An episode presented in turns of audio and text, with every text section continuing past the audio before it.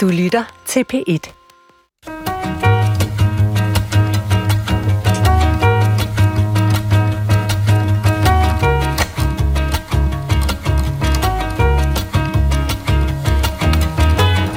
Også den her, den her situation er jo gunstig. Hvad, hvad, hvad sker der med Christian Eriksen der? Åh oh, ja, det ser ikke godt ud det her. Det ser slet ikke godt ud. Han, ser, han er helt slukket i øjnene, Christian Eriksen. Nej, nej, nej. Fodboldkommentatorerne Andreas Kravl og Morten Brun kom på en helt anden opgave, end de havde forestillet sig, da de sidste sommer rapporterede fra landskampen mellem Danmark og Finland. Men hvad for et sprog kan man finde frem, og hvad kan man levere, når man er i chok? Det bliver vi kloge på i dag. For det her er programmet, hvor vi nærstuderer hvert et ord, vi siger og skriver til hinanden. Og i dag så ser vi på den spontane krisekommunikation, som reportere på tv og i radioen kan befinde sig i. Og jeg har inviteret to meget rødhårede af slagsen i studiet. De har begge to været i situationer, som ingen havde set komme, da de stod op den morgen. Den første er sportsjournalisten, jeg nævnte før, og kommentatoren Andreas Kravl. Velkommen til dig, Andreas. Tak skal du have. Andreas, altså bare til en start. Hvad for en kamp havde du forventet at skulle rapportere fra, da Danmark skulle møde Finland, og omvendt øh, på Danmarks hjemmebane i parken øh, 12. juni sidste år? Jeg havde forventet, at det skulle være en, en fest. Øh, altså, der var lagt op til en, øh, en dansk sejr for det første. Danmark mødte Finland og var favoritter, så var det den første slutrundekamp nogensinde på hjemmebane. Hele området omkring parken på Østerbro var rødt og hvidt. Det var, det var solen skinnede. Vi kom lige på bagkant af en helt coronavinter. Altså, der var så meget... Øh, det var optur simpelthen. Ja, lige præcis. Ja. Og, og det var jo det, jeg egentlig havde forventet. Så kan man sige, at en fodboldkamp kan altid ende med, at det ene hold vinder, eller det andet, eller uafgjort. Ja, så, der var også, så der var også en mulighed for, at det kunne blive sådan et, et, et nederlag. Ja. Øh, og, og det havde så været nogle lidt andre ord, man skulle bruge i et nederlag, men det ville stadigvæk være den der oplevelse af at spille på hjemmebane for første gang. Men en fodboldfest, og vi var, altså nu siger vi, Danmark var favoritter. Ja, altså jeg havde, lagt, jeg havde lagt Okay. ordene frem til det, altså sådan at male det. En det- dejlig tid for os alle Ja, sammen. godt, min ven, og så videre, ikke? Altså, i, Øh, solen skinner fra en skyfri. ja, ja, der er lange Ja, rækker af køer ude foran os. Nå, det stod det.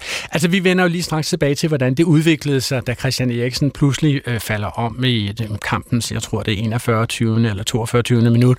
Altså, den anden rødhårede, jeg har inviteret her i studiet i dag, er, er her også, fordi han lige pludselig stod med begge hænderne på kogepladen, og det er jo dig, Reimer Bo Christensen. Velkommen til. Tak skal du have. Reimer, altså du var på arbejde om eftermiddagen den 11. september 2001 i TV-byen i København, hvor du forberedte dig på at beværte aftenens TV-avis. Hvor meget vidste du om angrebet på World Trade Center, da du satte dig ind i studiet for at beværte den ekstra udsendelse, man lige pludselig øh, skød Ingenting. luften? Ingenting. Ingenting. Nej, jeg havde lige øh, afviklet en middagsudsendelse, hvor der var en redaktør, som havde lavet alle de fejl, en redaktør kan gøre. For eksempel at sige i øresnegl, vent lige et øjeblik. Det findes jo ikke i, på, i tv. Vent Nå, lige et okay. øjeblik. Så da Og jeg det kom siger ud, man ikke ustraffet til Nej, Bo og da jeg kom ud af studiet, gik jeg ind og rev hovedet af ham. Selvfølgelig. Som er kun klart. rødhåret kan. Ja. Ja. Så kraftigt, Ja. ja. så der var en, en chef, der sagde, kan du ikke bare lige gå der en lang tur? Der er sådan en dejlig mose herude i byen. Og da jeg kom tilbage fra den, der stod ja. alle ved en monitor og kiggede på et rygende tårn. Okay. Det første fly var røget ind i World Trade Center, Ja, og så kom der et fly, mens vi stod og kiggede. Og så var der en, Okay. en stille, rolig, fantastisk redaktør, Ulrik Skotte, som sagde, Reimer, det er terror, vi går på. okay. Så løb jeg ud, øh, tog et leksikon ud i kopirummet, tog siderne med World Trade Center, så jeg vidste, hvor mange arbejder der, hvornår blev det bygget. Det var, hvad jeg vidste. Det var det, der hed papirleksikon simpelthen. Ja, ja, det er vi jo i 2001. Det er trygt. Ja, ja. Hold da op. Ja, det er store danske. Ja. Ja. ja, ja. Og så løb jeg op på udlandet, og der sad heldigvis en stavntofte. som var TVA-medarbejder Ja, og, og en overvejende udlandskorrespondent. ikke? udlandsmedarbejder. Han kendte for eksempel alt til al-Qaida og Osama bin Laden. Første gang han sagde Osama, Osama bin Laden, så skrev jeg det ned. Jeg tænkte, det er nok meget godt at have fat i det navn der.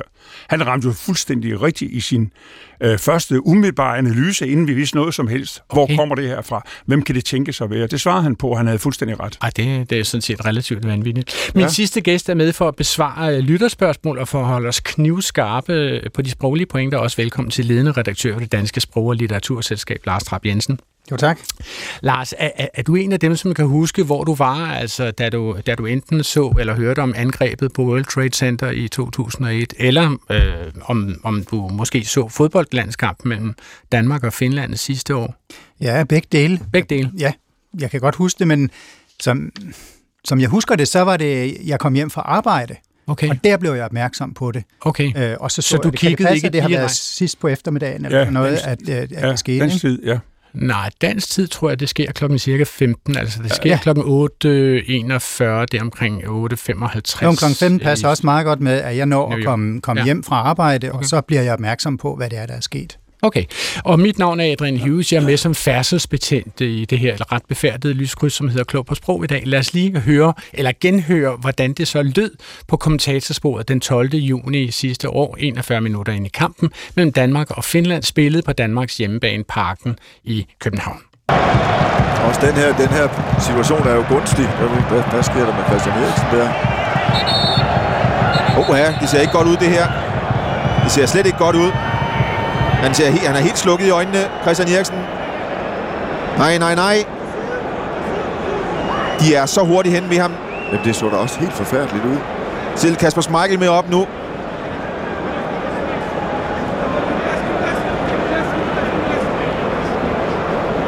Danske lægestab hurtigt inde med Christian Eriksen. Det er ikke rare billeder, det her. Der er også helt stille i parken. Helt, helt stille.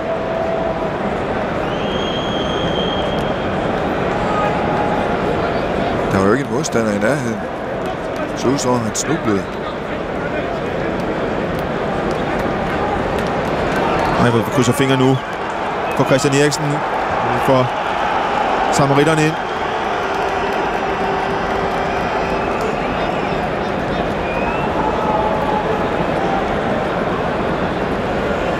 Jeg har lige været gennem et år, hvor der har været så stille på et fodboldstadion, og alligevel så troede man ikke, der kunne blive mere stille, men det er der nu i parken. Lars Trapp Jensen, hvad, hvad er dit indtryk af det sprog, som Andreas Kravl og hans kollega Morten Brun bruger i den her situation? Man følger jo med i begivenheden simpelthen, mens den, mens den sker. Mm. Øhm, først Morten Brun meget lavmæld, hvad er det, der sker med Christian Eriksen, siger Mm. mm. så det er, som, det er ikke gået op for ham endnu, hvad det er, der er sket. Det går det er meget hurtigt op for dig. et reelt spørgsmål. Ja, det til. ja. Du siger jo meget hurtigt, øhm, det er ikke spor rart det her. Du siger, så siger du, at han er helt slukket i, i, i øjnene. Hvordan kan, kan du se det simpelthen ja. Ja. derfra, hvor du er? Ja, vi- vi har... Øh, det, som folk skal vide, det er, at når vi sidder og kommenterer, så har vi selvfølgelig banen foran os, øh, som vi kan se øh, i fuld, øh, hvad kan man sige, øh, ja, 3D. Og så har vi to skærme. Øh, og, og den ene skærm viser netop nærbilleder. Altså det er derfor, jeg kan okay. sige, at han er, der ja. er et nærbillede. Og det ved jeg jo ikke i virkeligheden, om, om seerne kan se. Men det kan jeg se, at der er et, et nærbillede, der er skudt ja. Helt op i hovedet på Christian Eriksen, da han ligger der. Så derfor kan jeg så sige det. Men du ved faktisk ikke, om seerne kan se det. Altså, du ved ikke, hvad det er for et feed, hvad det er for nogle billeder, som bliver produceret ud til seerne på det tidspunkt. jeg, altså, jeg, jeg ville godt kunne vide det ved at kigge på det, der hedder World Feed, altså som Ja. ja. der kommer ud. Men vi har faktisk også, fordi det er en, nu bliver det meget teknisk, men fordi det er en DR-kamp i, i parken, så har vi virkelig også vores egne kameraer. Nå. Og det er derfor, vi meget hurtigt går på vores helikopterkameraer, hvor resten af verden i virkeligheden ser mange flere billeder, end vi sender Ja. ja. ud til de danske. Du siger jo faktisk i det her klip, det er meget ubehagelige billeder, det her. Er, er, det, er det en slags regibemærkning til produceren, at du sådan set allerede der begynder at tænke, det kan godt være, at vi skal klippe væk nu? Det ville jo være meget flatterende, hvis det var det. Nå, men, okay. men lige i starten, der, der er det min, min instinkt. Ja. Ja. Og det er, nu, du spurgte der, hvorfor... Altså, men det er fordi, jeg, jeg, jeg ser jo så mange fodboldkampe, og den måde, han falder på, den måde, han ligger på, det er slet ikke ligesom, at hvis der var noget i går, så Det er helt enestående. galt. Ja, Ja. der er noget helt galt her, og det men, ved jeg som men jeg vil da sige, at det er jo meget præcist. Det er jo, det er jo godt, synes jeg, fordi man siger, du siger ikke for meget, du siger det, du ser. Og det er jo det, man som øh, tilskuer har brug for at få at vide, når man netop ikke ser øh, nærbilledet. Hvad tænker du ville være for meget, Lars? Altså, hvis, hvis Jamen, hvis, Andreas hvis at Andreas begynder at, at fortolke på, hvad det er, der er sket, uh, jeg er bange for, at det er en hjertefejl, eller øh, er han blevet hægtet af en modstander, uden at vi har set det, eller et eller andet, som øh, ikke er faktuelt så du, rigtigt. du er bange for, at der kommer spekulationer omkring det, som der ikke endnu er faktuelt belæg for? Ja, det tror jeg, det skal Okay. man øh, være... Reimer Bo. Christensen, altså, øh, du er jo Andreas Kravls øh, journalist og, og værtskollega. Altså, hvordan vurderer du den her umiddelbare reaktion, som Andreas og Morten Brun kommer med lige da det sker? Jamen, jeg synes, de gør et fremragende arbejde, for jeg synes, en af grundpillerne i sådan live-transmissioner, der udvikler sig på en måde, man ikke kan forudse, det er, at man ikke siger for meget. Okay. At man tør holde mund. Øh, det vil amatøren vil jo tro, nu skal jeg kværne det her og, og sige en hel masse ting. Det, er- der skal man være fuldstændig cool. Man skal også tænke på, øh, og det kan I ikke nå at tænke, men, men intuitivt tænke på, vi sidder altså øh, millioner af mennesker og ser på det her, og vi har ikke brug for en Andreas Kravl, der pisker en stemning op. Det har vi ikke. Altså, du mener, at stemningen ja, det er så cool, være... det er præmieklasse. Øh, jeg kan huske, jeg er så gammel, jeg kan huske Heiselstadion 1985, hvor der omkom 29 mennesker, hvor der sad en DR-kommentator, jeg skal være med at sige, hvad han hedder, for han er død, øh, som siger, nej, de løber ind på banen, det er usportsligt, de afbryder kampen. Ja, der er døde 29 eller 39 mennesker. Og de flygtede, eller hvad? Ja, de, for det styrtede jo sammen, og det var jo en stor, kæmpe tragedie. Det kunne den øh, vedkommende heller ikke vide, men der begynder han at kommentere moralsk på noget. Det er bare okay. et grelt eksempel fra 1985, hvor det var meget vigtigt ja, okay. og meget flot. Altså, øh, Andreas, hvor, hvor lang tid vil du sige, der går, før øh, Christian Eriksen bliver genoplevet og bliver båret ud af banen? Altså, hvor mange minutter? Ja, ja.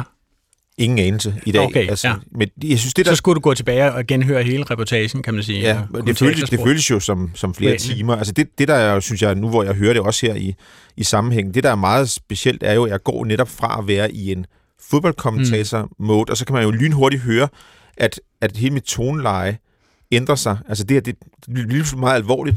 Mm. Fordi uanset hvor meget vi synes jo, at, at det er vigtigt, at Danmark vinder, så er det jo, altså det er jo lidt noget, vi leger, når fodboldkampen er i gang. Altså det, og, og så bliver det lige pludselig til en helt anden toneleje. Men bliver du påvirket af det, du ser? Altså bliver du følelsesmæssigt berørt af det, du ser? Ja, det gør jeg. Og det kan jeg synes også, jeg kan høre på min stemme, at jeg bliver følelsesmæssigt påvirket. Men som Reimer også siger, jeg er der jo for at løse en opgave, og derfor slår hjernen også, i hvert fald i mit tilfælde, meget hurtigt over på det, der hedder den der mere professionel, hvor jeg lægger det til side, okay. og så siger, fordi selvfølgelig er jeg bange for, i yderste konsekvens, så skal jeg sige til to millioner seere, Christian Eriksen er lige død. Og det, altså, det ved jeg jo sådan set ind allerede på det tidspunkt godt. Og, og derfor... Men, men, men har du virkelig den tanke, Andreas, at du simpelthen forestiller dig, at han kan være død for åben skærm, øh, for øjnene af dig? Ikke forstå på den måde, at jeg sidder og tænker hele scenariet igennem, men jeg kan, jeg, altså, jeg vil sige, i det øjeblik, når jeg hører min stemme her nu, der er, den, altså, den knækker en lille smule, mm.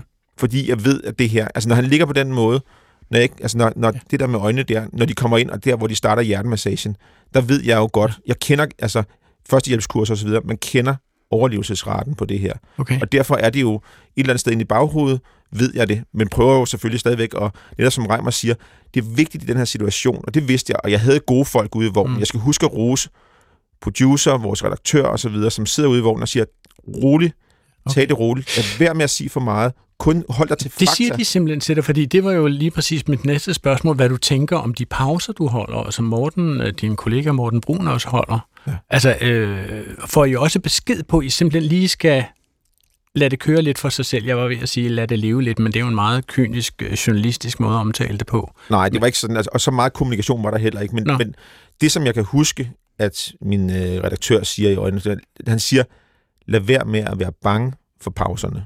Okay. Altså, hold, der, hold jer til fakta, hold, til, hold jer til, hvad I kan se. men det er vel lige præcis en god øh, besked at få i øresneglen. Det er vel lige ja, præcis det, sådan noget, man kan bruge til noget, ikke? Ja, det er, ja, ja. Og, og i stedet for at sige, øh, ved du, jeg er lidt usikker, vent lidt, vent lidt, ja, ja. vent lidt Nej, men det der, og det er jo så, det er jo så, øh, der findes nemlig også nogle berømte bånd, øh, som man underviser efter sådan, i gamle dage, hvor man tager kommentatorsporet, altså producersporet. Nå, okay. Og der er faktisk heldigvis, for sådan nogen som Andreas og, og mig, vi rødhår, vi sidder inde, der er nogle cool folk ude bagved. Okay. Og det er jo sådan set dem, der skaber Andreas' og Mortens præstation på okay. en eller anden måde. Altså, altså der... I skaber det jo selvfølgelig, fordi I har det med, I har med, I har jeres ja. personlighed og jeres erfaring. Der sker jo det, at Christian Eriksen øh, relativt kort tid efter altså bliver vækket til live med hjertestarter med videre, øh, og bliver båret ud på, øh, på en borger, og det skal vi lige høre, hvordan det så lyder. Der er stadigvæk Christian Eriksens kone Sabrina Kvist Jensen stående nede på sidelinjen sammen med anfører Simon Kjær lige nu. Kasper Schmeichel løber til og fra. Nu bliver Christian Eriksen båret.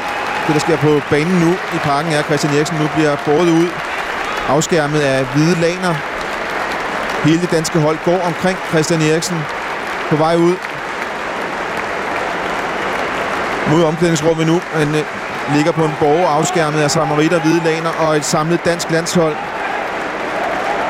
Imens både de finske og danske fans klapper Eriksen ud fra hjemmebanen.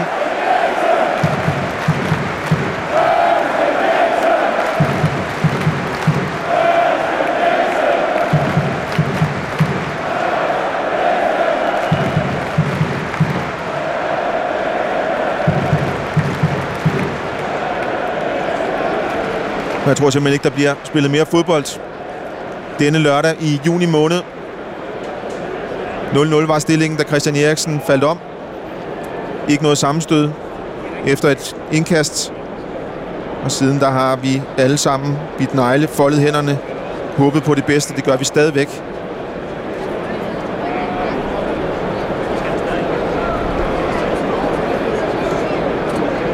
Men en kæmpe stor chokdyne, der har lagt sig over den danske nationalarena. Altså igen, uh, Lars Rapp Jensen, uh, hvordan vurderer du den uh, kontakt, som Andreas får skabt med tv-seerne, som hører det her kommentatorspor? Jamen, det, jeg synes, det fungerer godt stadigvæk. Han kommenterer det, han ser, ja. og siger ikke for meget. Jeg er meget enig med det, du siger, man skal ikke sige noget, man ikke har belæg for.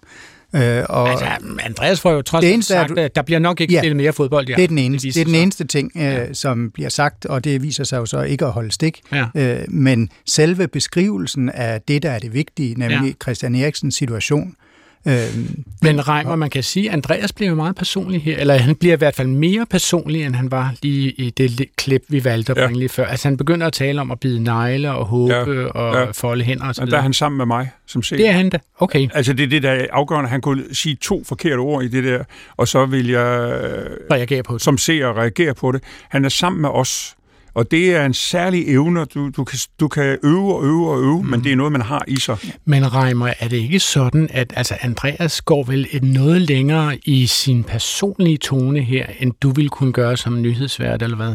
Jo, det er nok rigtigt nok. Men der synes jeg, man må se sammenhæng. Det er, det er et fodboldpublikum, øh, det er nationalstat, altså der er noget patos ind over det der, ja. som han slet ikke rider med på, Nej. men som gør, at så kan man godt lige tage et par ord mere med end måske. Altså fordi vi ved, at vi var inviteret til en fodboldfest ja, oprindeligt. Ja, det, ja, det kan godt være, at det ikke hænger sammen, det jeg siger, men øh, trap, det må ja. være rigtigt alligevel. Jo, jo, jo. Jeg synes også, det der med at, at, at sige, at øh, landsholdet slår kreds om ham, ikke? Ja, og de, ja. både de finske og de danske, altså og de, det gør de, og ja, både de danske og de, han drager jo publikum, han drager hele landsholdet med ind i beskrivelsen af situationen, ja. ikke? det bidrager til det samme. Okay. Altså, André, var, prøv at høre. Ja, det må jeg høre. Altså, der var, der var to, der er mange ting, jeg var glad for bagefter, men der var i hvert fald to ting, som jeg påskyndede rigtig meget. Det er mine mange år som radiokommentator. Mm-hmm. Fordi øh, der var ikke så mange billeder til de danske tv-serier fra banen. Det var meget Nej, fordi der var klippet ud til helikopterbilledet ja. af parken op fra. Jeg er jo vant til, som radiokommentator, at skal tale i Skabe billeder, billeder ja. med mine ord. Så ja. det, det, det, det var ikke nogen ny opgave for mig øh, at gøre det. Og så var jeg faktisk også glad for, at at jeg øh, havde nogle år på banen, at jeg havde en, øh, en medkommentator, Morten Brun, der er endnu mere rolig, og det er præstesønnen for Åben Rå, ikke? Altså, okay. som, som virkelig står rangt ved... Fodboldspiller og nu kommentator. Ja, lige præcis, ja. ja. Øh, og, og, og vi havde, altså hvis det her var noget, jeg var blevet sat ud i som 27-årig for eksempel, og sagt, mm. jeg jo lige startet, og ej, hvor er du talentfuld unge kravl her, nu smider du bare ind i parken her. Mm. Altså, jeg har, jeg har også lidt over på banen. Jeg er selv øh, for eksempel ja. far, som Christian Eriksen jo også er, og kan, altså, der er nogle ting, som som jeg i hvert fald øh, sætter pris på, at jeg ligesom havde med i bagagen. Okay. Andreas, vi vender tilbage til dine erfaringer fra, fra parken sidste år. Men lad os lige zoome ind på, hvad, hvad Reimer oplevede ude i tv-byen i Gladsaxe i det, der dengang hed 2860 Søborg. Altså i 2001, da, da Reimer var på arbejde ved, ved terrorangrebet på passager eller på øh, kontorbygningerne i New York. Altså, nu skal vi høre det første, Reimer, du siger i den øh, ekstra udsendelse, som du går på med der klokken cirka 15, mener jeg, at det er dansk tid øh, da I beslutter jer for at lave en ekstra udsendelse om terrorangrebet?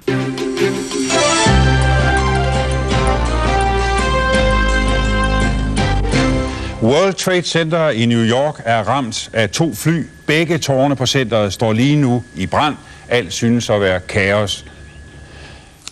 Øh, amerikanerne er lige nu i gang med at evakuere bygningerne. Der skete det for knap en halv time siden, så ramte et formodet Boeing 737 ind i det ene tårn omkring 80. 20. etage, og det brød i brand.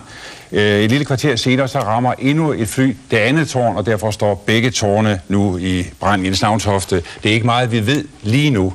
Øh, det, først talte CNN om, at det var en navigationsfejl på det første fly, der, der ramte det første tårn. Det er næsten utænkeligt, at det er en navigationsfejl. Alene af den grund, at der kommer altså ikke fly, hverken civile fly eller militærfly, hen over den del af Manhattan. Det er fuldstændig utænkeligt. Og Kennedy Lufthavn ligger langt derfra, og New York øh, Lufthavn ligger også langt derfra. Så der er al mulig grund til nu at have en mistanke om, at det her det er altså terrorisme. Øhm, ja, nu siger du det, der kommer slet ikke fly ind over. Normalt er fly vel også under en, en instrumentstyring, altså totalt under kontrol, og kan slet ikke være nede i den højde, som... Alene det, er der to fly, der inden for så kort tid rammer ind i World Trade Center, siger jo selvfølgelig, at det, her, det er noget planlagt. Også den måde, de springer i luften på, og de rammer ind omkring 80. 20. etage begge to, tyder på, at det er en mega terroristaktion der, altså, der er foregået. Reimer, hvordan er det at høre, det er jo 20 år siden, ja. lidt over, ja. øh, hvordan er det at høre øh, den her reportage for dig nu? Jamen altså, jeg kan jo øh, øh, forholde mig til for eksempel altså, meget mere til Jens, ikke? Altså, jeg synes, den... Jeg hørte det jo her i forbindelse med 20 års jubilæum for første gang, fordi jeg skulle og holde foredrag for nogle øh, gymnasieelever i Esbjerg. Okay. Så der, der, for jeg ellers har jeg ikke set det, jeg har ikke haft behov for at se det, okay. jeg har ikke haft modvilje mod at se det, jeg dyrker bare ikke sådan noget. Jens er jo fuldstændig rolig, og jeg prøver også at være det. Vi, vi kommer ind i det her med de facts, de ja. facts, vi har, ja. og ikke med verden står i brand, terrorismen har ramt, osv. Vi, vi prøver at holde den så roligt vi kan og holde os til facts. Det er okay. forsøget. Lars Trapp Jensen, altså hvordan vurderer du Reimer Bos øh, grad af alvor og, eller opgejlethed i virkeligheden? Altså rammer han også tonen for, hvor alvorlig vi synes, det må være en situation? Vi ser nogle kontorbygninger, meget store kontorbygninger i New York være i brand. Ja, det synes jeg. Det er jo meget nøgternt beskrevet, og der er ikke nogen øh, fortolkning eller noget, i hvert fald ikke i det, du siger. Du siger bare det, du kan se. Der er mhm. en eksplosion. Ja. Øh, så er det jo Jens Navntofte, der kommer med de mulige fortolkninger, ja. Ja. Ikke? og det er vel også hans rolle i det. Han er ekspert Absolut. i det, han er ikke med øh, kommentator eller øh, Nej, med vært på programmet. Ja. Han, er, han er indkaldt som ekspert i Og vi kommenterer jo det, så, man ser på skærmen. Det præcis. hører lige med. Ja. Man ser jo de brændende bygninger. Ja. Ja. Men altså, øh, kunne, der, kunne der på det her tidspunkt, Reimer, altså en halv time inde i forløbet, kunne der være nogen som helst tvivl om, at det var en terroraktion? Jamen det her, var det ikke starten? Jo, det er starten, altså ja. det, er, det er lige efter det andet fly. Jamen, jamen der, var, der var ingen, der vidste noget. Nej, men, altså. men, men man kan sige, at Jens Navntofte virker jo meget mur- og når han med det samme øh, udlægger teksten og siger, at sandsynligheden for, at det her er en terroraktion, ja. Er øh, nærmest øh, 97 procent. Ja, der læner han sig op af 42 års øh, korrespondent. Og, virksomhed og, og, og Vietnamkrig. Og... Okay, og bringer med det samme navnet Osama Bin Laden ja. i spil, siger du? Ja. Okay. Det, jeg, ja, så grunden til, men det er meget vågefuldt, ja. men, men det viser sig jo, at han havde jo mm. den en viden. Han satte han har han ramte. al-Qaida-aktioner, ja. som Andreas ja. og jeg ikke havde lagt mærke til. Ja. Der har han ja. jo siddet og skrevet korte tekster ja. og fulgt ja. Øh, med på CNN. Der har jo været nogle små generalprøver, som ikke har været helt ja, så spektakulære. En berømt uh, afrikansk, uh, men, men, men, men han var jo inde i stoffet. Han våger Taler du om øje... sænkningen af, af et skib i ja. en havn i ja, Kenya? Eller der, ja, præcis. Ja, men han våger jo et øje. Ja. Men han, han gør det jo som, så kyndigt, at ja. han, han, han, han, han klarer den. Altså, jeg spørger jo simpelthen, ja. fordi øh, øh, jeg ved fra min, øh, fra min søde veninde øh, Brita Kvist fra Orientering, at de satsede øh, den 22. juni øh, 2011, da Anders Bering Breivik ja. øh, havde begået sin ufattelige, øh, monstrøse udåd ja. med at, øh, på Udøjer og dræbt øh, på Udøjer, tror jeg, det var 69 øh, unge mennesker, øhm, der lavede de i orientering cirka 40 minutter efter, at man havde hørt, at der var skyderier på Udøjer, lavede de et hasteindslag, som handlede om risikoen og faren ved islamistisk terror ja, ja. i Norge, som det så viste sig ikke Fuldstændig. Ja. Totalt vanvittigt. Ja, ja. Og det kan man jo ikke gardere Nej, sig imod, når man vi står ikke, Vi kunne heller ikke vide, om det var nogle øh, helt andre øh, kræfter, der var i spil, men... men øh, I satset. Ja, Jens Vode ja, et øje. okay. Fair nok. Vi har talt med Kirsten Mogensen, som er uddannet journalist, og derudover så er hun lektor emerita fra RUK, og hun har forsket i krisekommunikation. Og vi har talt med hende om, hvad det er, vi bruger medierne til, når der sker noget så stort og chokerende som altså for eksempel Ruslands invasion af Ukraine og terrorangrebet den 11. september 2008. Og her skal I høre, hvad hun siger. Øh, når, der, når der starter en... Øh Altså, vi kommer i en krisesituation, som for eksempel udløst af et terrorangreb, eller i den her situation med Ukraine, øh, med krigen, så er det, vi har brug for først, det er jo at få at vide, hvad er det, der sker. Og øh, der er vi fuldstændig afhængige af, at medierne er på med det samme, og at de giver os øh, så mange informationer, som de har, og også øh, fortæller os, når de ikke ved, hvad det er, der sker, øh, så, så vi ved, at vi kan stole på det, de siger. Og så vil vi også gerne have analyser af situationen. Det, det kommer ligesom øh, i anden række, men det kommer også ret hurtigt ind. informationerne og analyserne skal hjælpe os til øh, at danne os et overblik over, hvad det er, vi skal gøre. Hvordan det er, vi kan handle rationelt som, øh, som borgere. Hvis vi kun ser ulykkerne, hvis de ligesom bliver for overvældende, hvis vi bliver præsenteret for billeder, som er for voldsomme, og vi ikke rigtig får øh, den intellektuelle stimulans samtidig. På den ene side må vi gerne vide, at der sker noget, der er forfærdeligt, men vi har for eksempel ikke brug for at se et barn, der brænder op eller bliver slået i stykker af en bombe. Det er nok at se et barn, der sidder i, en, i et beskyttelsesrum og siger med gråd i stemmen, at det ikke har lyst til at dø. Altså, må jeg spørge Andreas Kravl, altså klinger Kirsten Mogensens analyse af, hvad det er for en funktion massemedierne har i den her situation, øh, bekendt hos dig? Meget.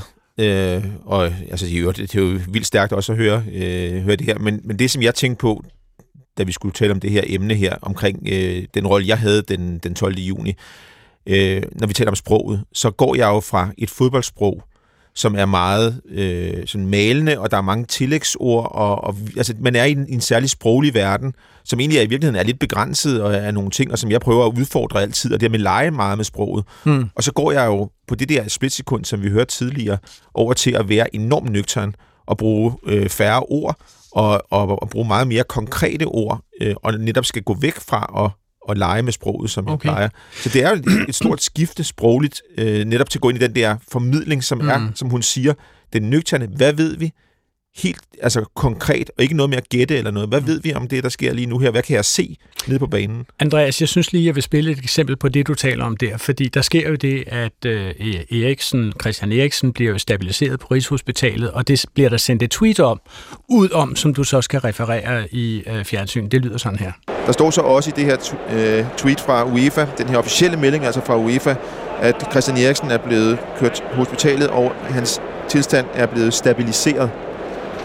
Og det er, det er en melding, vi jo på en eller anden måde har håbet på. Jeg skal selvfølgelig sige, det er kun det, vi lige har fået stukket i hånden fra UEFA, men altså en, en melding om, at Christian Eriksens tilstand forløbig er stabiliseret. Der kommer også en officiel melding nu, lige i dette øjeblik fra Dansk Boldspillion, altså DBU. Christian Eriksen er vågen og er til yderligere undersøgelser hos Rigshospitalet.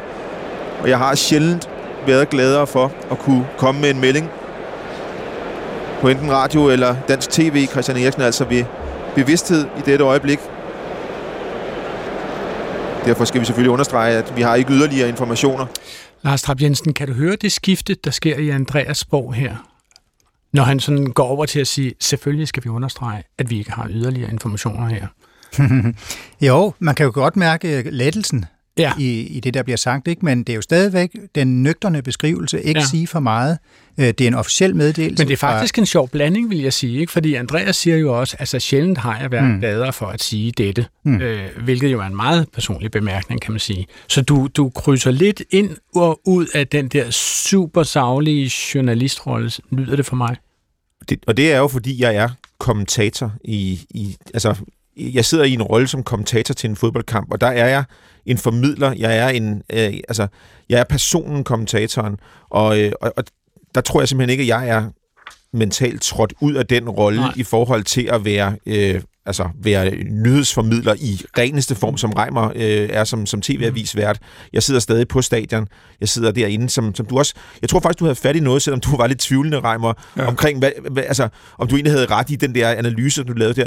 Men når, når du sidder i, en, i den der øh, forsamling af at være omkring det danske landshold, som er... Der er tilskuere i parken, der er nogle unge mænd, der spiller kampen, der er en hel befolkning, der på en eller anden måde håber, at de øh, skal vinde. Så på en eller anden måde, vi, vi er sammen i det her, og derfor tror jeg, at den der, den der jeg-form, der sjældent har jeg været gladere for at give en melding, fordi det er jo et udtryk for at sige, jamen altså, de kan score nok så mange mål, de kan vinde nok så mange pokaler, men lige nu, der er jo ikke det, det handler om. Lige nu, der handler det om, at, at jeg er bare glad for at sige, at den her mand fra, fra Fyn, han lever. Men, men jeg synes, du har fuldstændig ret, og det er en meget vigtig skillen at, at være kommentator eller reporter i marken. En reporter i marken kan godt græde, det kan en studievært ikke. Jeg var studievært, jeg siger ikke, hvad, det, hvad jeg føler over okay. for 9-11. Lars? Nej, jamen jeg vil sige det samme. Altså det er jo meget vigtigt, hvis du skal have troværdighed, at du så også kan vise empati over for det, der sker. Man skal jo ikke bare være nøgteren refererende. Du ja. giver jo også noget af dig selv, og det har vi som tilskuere til begivenhederne brug for. Okay, jeg vil, så vil jeg lige gå tilbage til 9-11 2011, altså den 11. september 2000 og et, som det jo som øh, hedder. Altså, øh, fordi der kan vi lige diskutere, øh, hvor nøgteren Reimer er, når han skal meddele, hvad han nu får at vide, at han skal meddele. Øh, det er, der sker jo simpelthen det, at dagen udvikler sig på en måde, som ingen overhovedet har kunnet forestille sig ville gå på den måde. Nyt angreb ved, ved World Trade Center. Det her det løber ind direkte. Vi ser branden i de to tårne. Nu ser vi også røg udvikle sig nede, øh, nede fra... Øh, jeg hører meldinger om, øh, at tårnet, det ene tårn måske, muligvis er styrtet sammen. Det er styrtet sammen.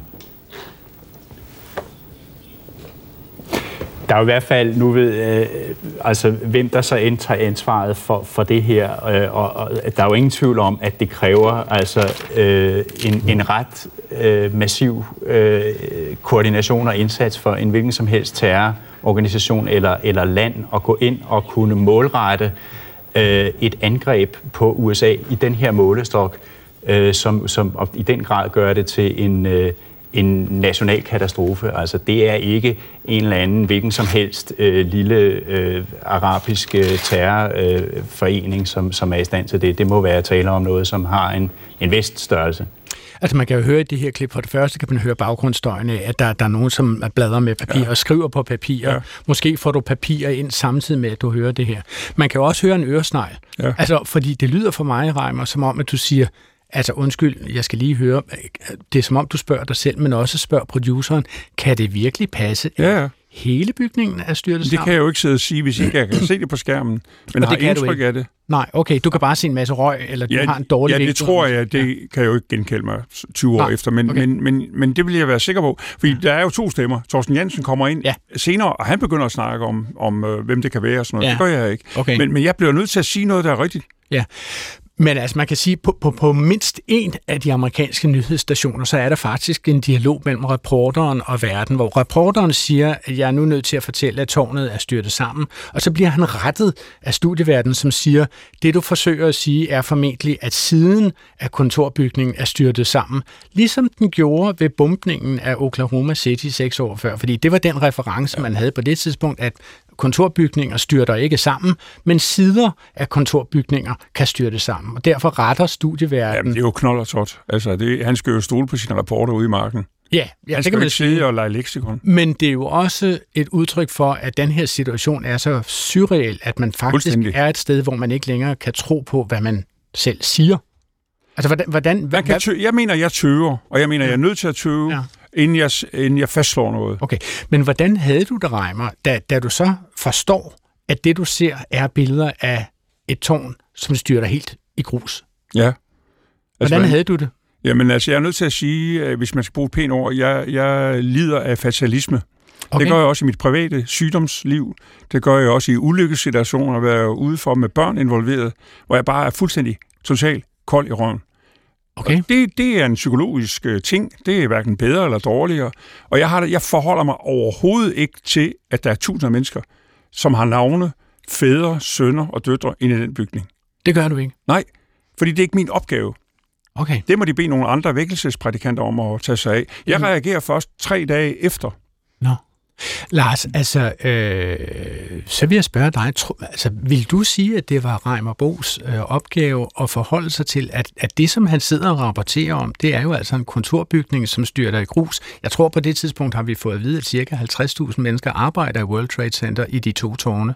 Altså, så måske er der 25.000, som, som går til grunde, når det ene tårn styrter sammen. Altså, skal Reimer Bo eller en anden studievært Jamen, der er jo nogle andre. Jeg interviewer jo nogen, der forholder sig til det. Det er ja. jo interessant interessant at få eksperter, vidner, få telefoner igennem. Jeg har en telefon igennem til en, der sidder i nabobygningen få 100 meter fra. Hun kan tale følelsesmæssigt. Altså Reimer, det, du taler om det, det er jo, at efterhånden så kommer der jo gang i hele redaktionen ja, ja. i baglandet, og de begynder så at finde mennesker, ja, ja. som rent faktisk er øjenvidner. En af dem øh, kommer ind til dig, kan man sige. Det bliver en telefon, der bliver stillet igennem til dig, og jeg tror, det eneste, du har fået at vide, når du, når du øh, tager imod telefonen, det er grove træk, hvad kilden hedder. Det er en kvinde, som hedder Marie Billegrav, som ikke er særlig langt væk fra World Trade Center. Lige et øjeblik, fordi nu har vi telefonen igennem igen til Marie Billegrav, der bor 100 meter fra World Trade Center. Marie Billegrav, øh, så du, da tårnet styrtede sammen her for lidt siden, og hvad så du? Øh, ja, men, øh, ja, jeg ved ikke, om det blev sikkert transporteret live på CNN. Jeg så simpelthen tårnet. Øh, ja, kollapse, og øh, vi er på vej til at forlade bygningen. Vi har ikke, vi har ikke hørt, øh, hvad vi skal gøre, men vi har lukket. Vi kan, ikke, vi kan ikke se noget som helst nu. Røgen er fuldstændig tæt. Jeg kan se toppen af World Trade Center. Jeg kan skimte toppen af World Trade Center. Det er fuldstændig øh, dækket øh, af røg. Altså bygningen er fuldstændig dækket af røg nu. Så nu smutter vi ned på gaden sammen med alle de andre. Du vil væk? Ja. Væk? Så væk. har man det lidt, ja. når man er i en bygning så tæt på. Held og lykke. Tak, jo, tak. tak fordi vi, vi måtte få din øjenvidensskildring. Væk, bort fra røgen, bort fra øh, sammenstyrtende øh, bygninger. Altså Reimer, gør det større indtryk på dig at tale med et menneske, som er i nærheden af der, hvor tingene sker, end det ja. gør og, og ja. kigge, sidde og kigge men det på en skærm? Gør, men det gør det i virkeligheden, altså, fordi der sker det tre dage efter den 11. september. Ja. Går jeg over og køber nogle aviser i en kiosk over for mig, og så, så lukker jeg BT op, og så er der en artikel, der hedder Kvinden fra TV overlevede. Og så står der så hendes far, Billegrav fortæller, at min datter Marie blev heldigvis øh, opfordret til at løbe ud af bygninger, hun overlevede og sådan og sådan. Og der sad jeg alene med BT i min sofa og græd. Hold op. Det kunne jeg fat, for det var et ja. menneske, jeg har snakket med. Og som jeg jo ikke kendte, men som jeg havde snakket med, det, det kunne jeg rumme. Det kan sige noget om mig. Men jeg kan ikke rumme 4.000 mennesker.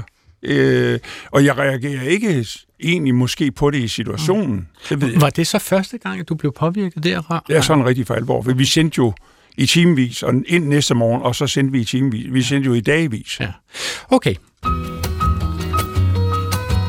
Og nu spørgsmål fra lytterne.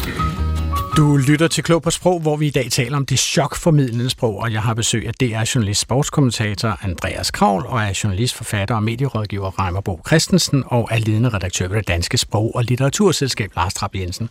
Og inden vi går videre med begivenhederne, øh, som Reimer og Andreas har rapporteret fra sidste år og for 20 år siden, så vil jeg lige skele til bunken af lytterspørgsmål, som jeg selvfølgelig også har med i dag. Vi har modtaget en mail på klog på sprogsnablag.dr.dk fra Jeppe Christensen fra Valens Bæk Strand, som øh, spørger ind til en talemåde, som kan siges og relateres det direkte til det, vi taler om her i dag. Nemlig, han skriver, i dag havde jeg en lang samtale med en kollega om, hvor talemåden på stående fod kommer fra. Altså som i, det kan jeg ikke svare på, på stående fod. Kan I hjælpe med at opklare det? Har du et bud på, øh, altså disse her to mennesker, Andreas og Reimer, har jo ikke bestilt andet end at tale på stående fod, kan man sige, øh, i radio og fjernsyn og alle mulige andre steder. Hvor kommer det der stående fod fra? Jamen, det kommer et helt andet sted fra. Så, faktisk kommer det fra juridisk sprogbrug, og vi skal meget langt tilbage i tiden, helt tilbage til ja, middelalderen. Øh, og faktisk er det en oversættelse af et, af et, et begreb, der blev brugt i romerretten. Stande pede, som betyder på stående fod. Og det refererer til det forhold, at hvis der var afsagt en dom, så skulle man, hvis man øh, ville gøre indsigelse mod den, gøre det med det samme. Okay. Altså uden, hvis man gik ud af lokalet, så blev dommen eksekveret, og så stod den ved magt og lod sig ikke ændre. Så derfor, hvis man vil protestere, så skulle man sige Så skulle man sige til med det samme. På stående fod, og det, vil, ja. og det er derfor, det betyder... Og alt, hvad lige der ikke bliver afleveret på stående fod, det har ikke længere juridisk relevans eller gyldighed. Ja, Ja, Nå, meget gammelt udtryk, som kendes ikke bare på dansk, men fordi det har latinsk ophav, så kender vi det også øh, øh, på tysk og på fransk øh, i tilsvarende okay. udtryk. Så når jeg forvansker på stående fod og siger på siddende balle, eller, eller i tastende stund og sådan noget, som jeg er meget glad for, så er det en total forvanskning, som intet har med romerretten at gøre. Så, så broderer du bare videre på det udtryk. Jamen, jamen, det er jo my middle name, jeg broderer. Det kan du være sikker på. Men altså, øh, der er faktisk også kommet endnu et lytterspørgsmål, som er kommet ind fra højre. Vi kan lige så godt tage hul på det øh, her med det samme. Det er Lea Tempels fra Hillerød, som skriver, når nogen eller noget pludselig og uventet dukker op, så taler vi om, at det kom ind fra højre. Men altså, hvorfra stammer dette udtryk? For, og, hvor, øh, og hvorfor kommer ting aldrig ind fra venstre? Det kommer ind fra ja. venstre. Nej, det lyder ikke rigtigt, men... Man siger som fast udtryk, at det kommer ind fra højre. Ja. Men det er anderledes svært at give et bud på, og det er jo ikke altid, man kan forklare, hvor de kommer fra, de her. Jeg kommer til at tænke på sådan nogle uh, regibemærkninger i uh, teaterstykker eller sådan noget. Og faktisk, jeg fandt et meget sjovt citat helt tilbage fra Socialdemokraten i 22, som måske kan underbygge det. Uh, der stod, uh, altså kun 100 år gammel fra, fra 1922 går Lige præcis, ja. Ja, ja. ja nok. Rollerne var i forvejen fordelt. Statsminister Nergård erklærer sig enig med Madsen Mygdal. Ceremonimester Hansen kalder på tjeneren, som springer ind fra højre. Hold op. Ikke? Det, er jo, det er jo lige sådan et helt tableau, som uh, kunne være... Meget godt beskrevet. Uh, ja. Okay, det er storartet. Du kan sende dit spørgsmål til klog på sprog Altså, vi har gjort det, at vi også har talt med Kirsten Mogensen, øh, hende her, som var øh, og er stadigvæk er lektor emerita fra Roskilde øh, Universitetscenter, om hvad det betyder, at journalisten holder hovedet koldt i situationer som dem, vi har talt om her. Prøv at høre, hvad Kirsten Mogensen siger om det. Når vi bliver konfronteret med en alvorlig situation, så, så, så ser vi jo fjernsynet for at finde ud af, hvad er det, der sker, hvordan skal vi reagere, er, er det her farligt for os? Øh, og der spiller øh, studieverden og rapporteren naturligvis en fuldstændig helt afgørende rolle. Så hvis studieverden og, øh, og rapporteren viser, ok, vi står her, vi, vi kan faktisk stå her, så, så viser de os andre, ok, verden er ikke brudt sammen endnu. Men hvis studieverden eller rapporteren ryger ned under bordet, så bliver vi andre også bange.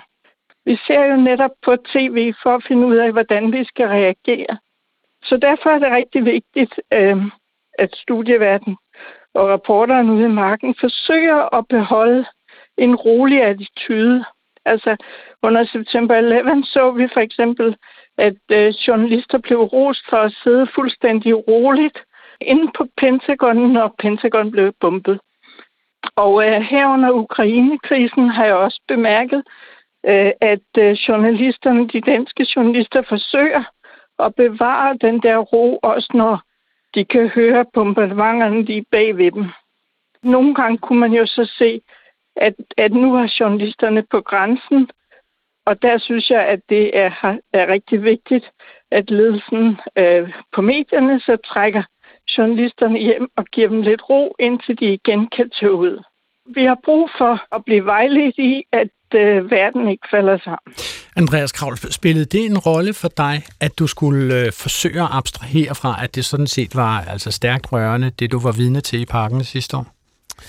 Ja, det spillede en rolle, øh, og jeg, øh, hvad var det, du kaldte det, Reimer, øh, hvis man er... Han sagde, at han var fatalist. Ja, og det er jeg jo ikke. Nej. Øh, men, men det, der spillede en rolle for mig, var, at, øh, at jeg var med, altså, forholdsvis hurtigt klar over, at jeg, det er mig, der er der mm-hmm. til at holde folk i hånden i den her mm. situation her. Mm-hmm. Det er mig, der har den faktisk. Ja, ja okay. og, og, og der var ikke rigtig nogen andre. Øh, og, og det vil sige, det, det, altså, det var jo simpelthen min opgave i den, og, og jeg tænkte faktisk meget på, at min egen datter sad derhjemme og så den her også, og det vil sige, okay. der er mange børn, der ser det her. Og det var et godt billede, tror jeg, for mig at have, at jeg skal jo netop, jeg skal bruge nogle ord, jeg skal sige nogle ting, øh, som ikke indgyder falsk håb, men jeg skal heller ikke male situationen øh, Mere bære, sort op, ja. Nej, e- eller, eller gå i detaljer omkring øh, alt det, der vi kan frygte. Altså, ja. fordi vi kan frygte en masse, vi kan håbe en masse, men ja. vi skal prøve at holde os til netop det, vi kan se undervejs. Og derfor var der jo også de her lange pauser, hvor der ikke faktisk ikke skete noget. Mm. Og der, der var det, altså der tror jeg bagefter, at det var det rigtige at så sige, jamen så holder vi kæft. Okay. Altså det er jo simpelthen en meget, meget klassisk genre, vi taler om her, altså som har eksisteret lige så længe, som man har kunnet optage den menneskelige stemme. Ikke? Og der er et virkelig super klassisk eksempel på det fra 1937, da øh, øh, det tyske øh, luftskib Hindenburg, det var et passagerluftskib med 36 passagerer ombord, som skulle lande i øh, Lakehurst, New Jersey den 6. maj 1937. Det er en meget gammel optagelse, kan man sige, lavet på datidens teknologiske virkemidler, muligvis lakplade, eller også er det en eller anden form for metalbånd. Man kan prøve at høre, hvad, hvad Herbert Morrison siger, da dette luftskib bryder i brand i, der i øh, 1937. It's starting to rain again. It's, the rain had uh, cranked up a little bit. It burst into flames. Get this, Charlie. Get this, Charlie. It's flashing, and it's flashing. It's flashing terrible. Oh, my. Get out of the way, please. It's burning, bursting into flames, and, and it's falling on the morning fast, and all the folks between it. This is terrible. This is the one of the worst catastrophes in the world. Oh, it's, it's, it's, it's money. Oh, four or five hundred feet into the sky, and it, it's a terrific crash, ladies and gentlemen. The smoke and the flames now, and the flame is rising to the not quite to the mooring mast. All the humanity and all the are just around me. I told you. I, I can't talk, ladies and gentlemen. Honest, it's just like there are massive smoking wreckage. I, listen, folks, I, I'm going to have to stop for a minute because they have lots of voices. The worst thing I've ever lived. Ja, altså som vi kan høre, så er det en godt og vel grumset optagelse her, så jeg skal lige sådan super lynkort øh, oversætte, hvad det bliver sagt. Altså han siger jo, at skibet bryder i brand, altså luftskibet, mens det forsøger at lægge til ved landingsmasten, og han siger, at det hænger sådan cirka 100 eller 100 meter op i luften, 400-500 feet, siger han. Øh, og så kalder han det verdens største menneskelige øh, katastrofe, og så undskylder han sig, at, at han ikke kan tale længere. Han får også sagt til folk, undskyld, er I sød lige at træde skridt tilbage. Han får også lige start starten af det sagt til sin tekniker, undskyld, er du sikker på, at du fanger det her på lakbladene? Charlie, are you getting this? Fordi det bliver han også opmærksom på, mens det, mens det står på. Altså, for, er der andre end mig, som får gåsehud, når de hører det her klip? Hvad siger du til det? Nej, Nej men jeg er lidt hæmmet af, at jeg har hørt det så mange gange. Okay, det er jo ikonisk, ikke fordi, det er, fordi vi skal gøre sådan. Ja. Slet ikke. Nej, det, det skal, skal vi, vi overhovedet ikke. Nej, okay. Det er jo bare ikonisk, det? fordi det skete, ja. øh, og, og det blev nok ikke jo sendt live, men blev optaget, mm. og der er mange faktorer, men, men jeg vil i hvert fald ikke anbefale, at der er nogen, der står over i Ukraine og ser et bombenedslag, og så øh, øh, går i den måde der, fordi det, så, så apropos det, der blev sagt før, vi, skal jo også, vi søger jo også en eller anden tryghed i, om verden består hos ja. den, der formidler det. Ja. Men der er den store forskel. Som Kirsten Mogensen sagde før. Ja, netop. Ja, ja, netop. Men det er en reporter, det giver, det giver et bredere rum, ja. end hvis det var en øh, vært, der sad, øh, som sad øh, i vores og var anchorman, ja, som det hedder. Det er jo langt udover, men altså, det, det er jo det er jo derfor, det bliver sådan Så du vil ikke eksempel. anbefale? Jamen, altså, ikke. Jamen, så lad os gå øh, rykke direkte frem til start, om man så må sige. Altså, øh, TV2's udlandsreporter Rasmus Tantholdt interviewede for nogle dage siden en kvinde, Natalia i Kiev, som trylede NATO om hjælp med at forhindre angreb fra luften over Ukraines hovedstad. Og, og det lød nogenlunde sådan her. But protect us, protect us, not to uh, have the NATO troops. We have heard a lot of times that no, no, no, uh, NATO troops never, but protect our sky, help our troops. Natalia, I will let you go. I mean, you need to protect yourself. You need to protect uh, your mother. We don't know what's going to happen for the next couple of uh, of hours. So I wish you, I, I wish you good luck. Yes. Okay. Take care. Take care. Det her, det er Natalia fra... Det er Natalia fra øh, Kiev, som er bare en af mange, mange... Åh, oh, fuck. Det er helt i orden, Rasmus Tantholdt. Når man står over for et menneske, som beder så indtrængende om, at vi kommer til at beskytte luftrummet, fordi at hun frygter for en tredje verdenskrig, så er det faktisk helt i orden at blive følelsesmæssigt involveret. Jeg tror, du skal passe på Natalie og på dig selv, og så tager vi noget analyse her i studiet. Lars Trapp Jensen, hvad tænker du, når du øh, hører den her beretning? Jeg er ikke sikker på, at du har set klippet, har du ikke nødvendigvis, men altså Rasmus trækker, hvad, hvad hedder han, øh, Rasmus Tanthold mm. trækker mm. sig lidt tilbage ja. og forsøger sådan at få styr på sig selv og lave en eller anden form for nedlæg efter Natalia mm. kommet med den her opfordring. Ikke? Jo. Og det klarer han skidt. Ja, ja. Altså han går over stregen og ja. gør det, man ikke skal gøre i den her situation. Det vil du sige, han Æh, gør? Ja, altså sådan objektivt set gør han, ja. men alligevel virker det jo, fordi man ser mennesket bagved, og det kan vi jo godt, man, man skal jo give lang snor i sådan en situation, okay. og det er man da villig til at, at, at gøre. Hvor lang snor er du villig til at give, Andreas, når du øh, ser din reporterkollega Rasmus Tandholt øh, tabe den, som det hedder, i øh, Ukraine? Øh, forholdsvis lang snor, vil jeg sige, også fordi, øh, altså, øh, de, de reporter, der er der, øh, sætter jo i yderste konsekvent deres liv på spil. Og den, den køber jeg i hvert fald også ind på som seer. Og siger, ja. mm. hvis, hvis, hvis vi sender en mand ud for at give os de vigtige informationer, han gør, så går jeg også langt som mm. til at sige, at på et eller andet tidspunkt, så skal alle mennesker, om det så er tre dage efter, som Reimer fortalte, eller så for mit vedkommende, det var måske en måned efter faktisk, Christian mm. Eriksen-episoden, at den første gang ramte mig dybt ind i, okay. i, i hjertet. Og, og altså, på et eller andet tidspunkt, så gør det jo ved de fleste mennesker. Så Så da jeg så klippet med Rasmus Tandholt, så tænkte jeg, ja, selvfølgelig kommer det. Han har jo et rejst jo i hele verden og ja. rapporteret fra alle mulige steder, om det så er fra Somalia-bugten eller, ja. eller et VM i fodbold. Altså, så han, altså... altså, de har jo selv lagt ud på Facebook. Altså, forstår I, hvorfor det her klip er, er gået ja. viralt? Det er stort set et af de mest sete klip på TV2's men, dækning. Man skal høre, jeg synes, det helt vigtige er, hvordan det bliver taget ned. Fordi den... Fra studiet. Studievært, mm. øh, Janne Petersen, tror jeg, hun hedder, der tager det ned. Hun sværer jo rundt i det. I mine ører. Okay. Hvis det nu havde været Walter øh, Cronkite, der siddet som, da han, lavede, ja. da han lavede Kennedy-mord, så ville han have sagt, ja. Rasmus Tandholt from Kiev, stand in with, bam, bam, så ville han trække tempoet ned, træk vejret, dreje over til kamera 2 og sige, and now analysis. Ja. Ikke? Altså, hun tværer rundt. Og det, jeg ved godt, det er fejnsmækker ting, men det er nu engang vores fag. Altså, det var Walter Cronkite, som var på arbejde, jeg vil godt den dag Kennedy blev skudt i Ja, jeg vil godt at, den skal tages fuldstændig, fordi når hun går med på følelsen, og det er helt i orden, Rasmus, hun er ikke mor til ham. Hun er seernes menneske. Hvad, hvad synes I om, at TV2 har lagt det her klip ud på Facebook, og sådan set markedsfører det som en del af deres... Jamen, de har klippet noget af. Jeg har set det på nettet. De, de, de har klippet noget af. De har øh, begrænset det en smule? Ja. Nå, okay. Ja. Okay. Mens vi er her, så vil jeg lige nappe... jeg vil ikke godt sige, at Rasmus Tandhold, han, han, han skiller sig jo ud for de fleste, der er sted lige nu. Han er jo fremragende reporter. Og han viser også et menneskeligt sind ved, at han lægger hånden på skulderen på den ja. kvinde og siger ja. det, han siger. Han skaber en fysisk det kontakt til hende. synes jeg, at han, han har en balancekunst ud over det helt sædvanlige. Hmm. Og han står i bomberegn og kælder og alt muligt. Skudsikre Jeg er en stor, og... stor øh, beundrer af Rasmus Tandhold, det vil jeg godt sige. Andreas? Jeg vil ikke forholde mig til, om de lægger noget ud eller ikke lægger noget ud. Jeg vil bare sige, at jeg, jeg er enormt glad for, at der ikke bliver lagt klip ud omkring øh, altså kommenteringen af Christian Eriksen, og at det er i virkeligheden er meget, øh, kan vi sige, kaj med at, at dele den kommentering, øh, mm. fordi det altså jeg synes ikke, det var et, et so me øjeblik eller noget. Mm. Det var, altså, det var et, et historisk øjeblik, øh, og, og det, jeg har det fint med at høre det her nu øh, bagefter, og, og det har alle forhåbentlig det, det fint med, men det var ikke hvad vi kan kalde et so me øjeblik mm-hmm. Okay, altså øh, mens vi er her, så vil jeg lige nappe et spørgsmål til fra lytterne, og det er Rolf Andersen, som undrer sig over, hvordan reportere bruger ordet tropper. Altså vi hørte jo faktisk ukrainske Natalie, eller Natalia, tror jeg hun hedder øh, på russisk, som hun sagde, hun tale sig engelsk, så brugte hun øh, ordet troops, og Rolf Andersen lurer på, om den engelske betydning er ved at flyde over i dansk. Altså, Rolf Andersen spørger, hvorfor er der så mange især journalister, der bruger ordet trop om en enkelt soldat, som i Rusland øh, har udstationeret mere end 100.000 tropper øst for Ukraine. En trop er i mine ører en mindre gruppe. Det kan være soldater, spejdere eller familie eller venner på skovtyr. Så følg da trop, Rolf.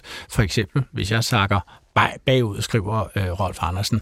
Bør seriøse medier ikke skelne mellem en enkelt soldat og en trop, som består af flere slagsen? Hvad vil du sige til det? Lars, jo, det kan, jeg tror det meget vel, det kan være påvirkning fra engelsk, fordi det er meget mere etableret i engelsk at tale om øh, et bestemt antal tropper. Man mm. har længe også på dansk kunne tale om tropper i flertal, sådan i en kollektiv betydning, væbnede styrker, amerikanske, styr, amerikanske tropper eller NATO-tropper, det har man altid kunnet sige. Mm. Det, der, det, der er det nye, det er, at det er tælleligt, at man kan sige, at der er 100.000 tropper, eller der er 1.000 tropper på vej, og det er nok noget, der smitter af for engelsk, for der har man kunnet det længere. Det er, øh, forholdsvis nyt i, i dansk. Så skal vi simpelthen til at vende os til det, at en trop nu kan lige så godt være en enkelt soldat med to støvler på? Det er i hvert fald meget almindeligt, så jeg tror, det er lidt kamp op ad bakke, hvis man... Rolf Andersen har sagt, prøv at give svaret i en form, som selv journalister kan forstå, da der nu sidder mindst tre til stede her i studiet. Nå, okay, fair nok. Men altså, nu nævnte du før, Andreas Kravl, at, at, at øh, den følelsesmæssige reaktion på, hvad der skete med Christian Eriksen, ramte dig muligvis først en måned efter. Altså, hvorfor, hvorfor først så sent? Øh, det er jo virkelig en psykolog, der skal svare på, svare ja. på det, men altså, turneringen gik jo videre, og ja. jeg tog fejl, som vi også hørte tidligere, der blev spillet fodbold den 12. juni efter, ja, de skulle spille kampen færdig, ja. og dagen efter sad jeg i Amsterdam og kommenterede en kamp mellem Holland og Ukraine. Okay, så karusellen kørte? Det kørte, og det var mit eget valg også, at sige, okay. jeg, jeg vil med, men så længe Christian Eriksen havde det godt, så tænkte jeg, jeg, jeg kan ikke gå rundt om mig selv øh, og, og tænke over de ting, der skete. Jeg er også nødt til at på en eller anden måde... Og så begyndte, skete der jo det vanvittige, at Danmark begyndte at vinde i turneringen, og mm. videre. Og der blev skabt hele den her fortælling, som Christian Eriksen var en stor del af. Og den var jeg jo... At det skabte et særligt sammenhold måske i holdet, eller? Ja, og i hele landet. Ja, okay, altså, det. alle stod lige pludselig meget tæt sammen øh, med hinanden, og, og den var jeg jo fortælleren på, den historie, gennem alle de resterende kampe. Så jeg var inde i den zone, jeg mm. kalder det sådan en EM-boble. Mm. Så det var faktisk først, da Danmark var blevet slået ud, og DR, hvor vi sidder nu, besluttede sig for at lave sådan en minidokumentar. Jeg blev sat ned i en stol, og så skulle jeg fortælle lige pludselig om det, der var sket tre og en halv uge tidligere. Altså, der var det der, hvor at, at jeg kunne mærke, at, at klumpen kom, og, og tårne pressede sig på i øjenkrogen, og sådan, fordi det var første gang, jeg tænkte, det her kunne have været endt helt, helt anderledes, end det egentlig gjorde. Indtil da, der var jeg bare i, altså, med snudende spor, som man kan sige.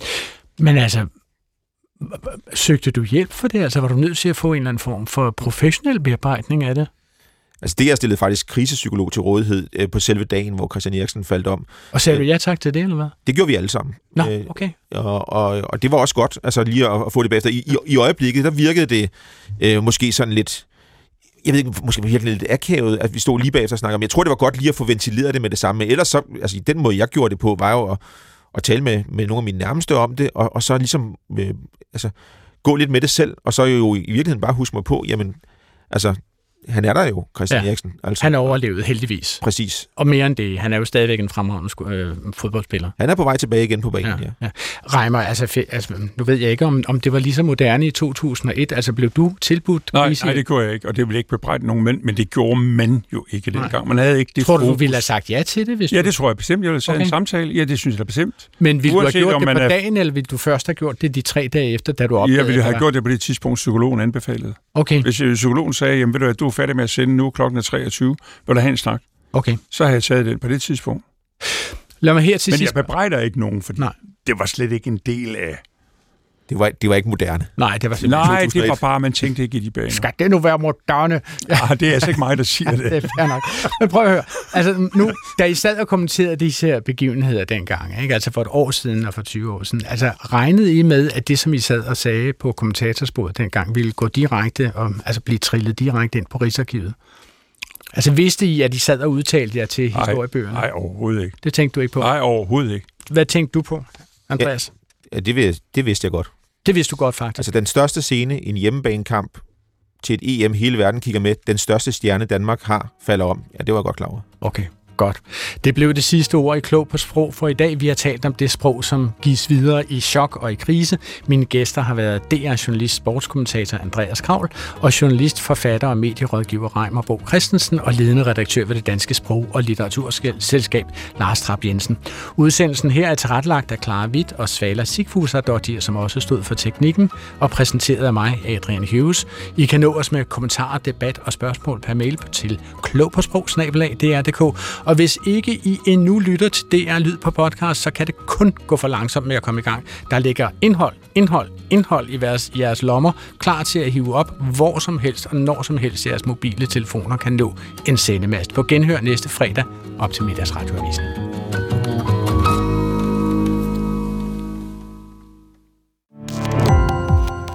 Gå på opdagelse i alle DR's podcast og radioprogrammer. I appen DR Lyd.